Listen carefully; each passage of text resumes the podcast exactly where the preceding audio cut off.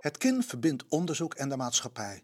Deze zomer een greep uit wat er zo al gebeurt op klimaatgebied. Kennis verbindt. Vandaag in editie 4 van de KINcast over het rapport van de Wetenschappelijke Raad voor Regeringsbeleid. Rechtvaardigheid in klimaatbeleid over de verdeling van klimaatkosten.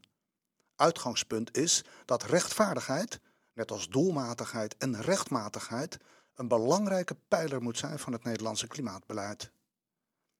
Klimaatrechtvaardigheid gaat natuurlijk over veel meer dan enkel de kosten en gaat ook over ongelijkheid tussen landen.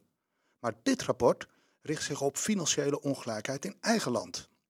Hoge klimaatkosten kunnen het draagvlak voor klimaatmaatregelen ondermijnen, zo is te lezen in het rapport.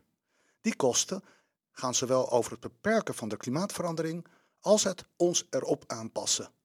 En ook het betalen van de schade die ontstaat. Wie moet die kosten betalen? Wat is rechtvaardig?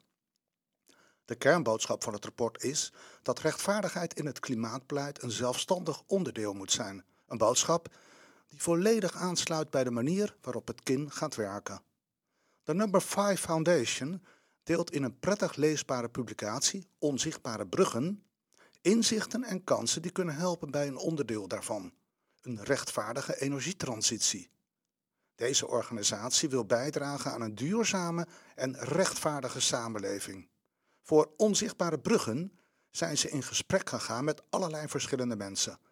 Van mensen voor wie energie in hun dagelijks leven niet vanzelfsprekend is, tot mensen die er hun werk van hebben gemaakt. Belangrijke leerpunten. Geef inwoners een cruciale rol in het proces.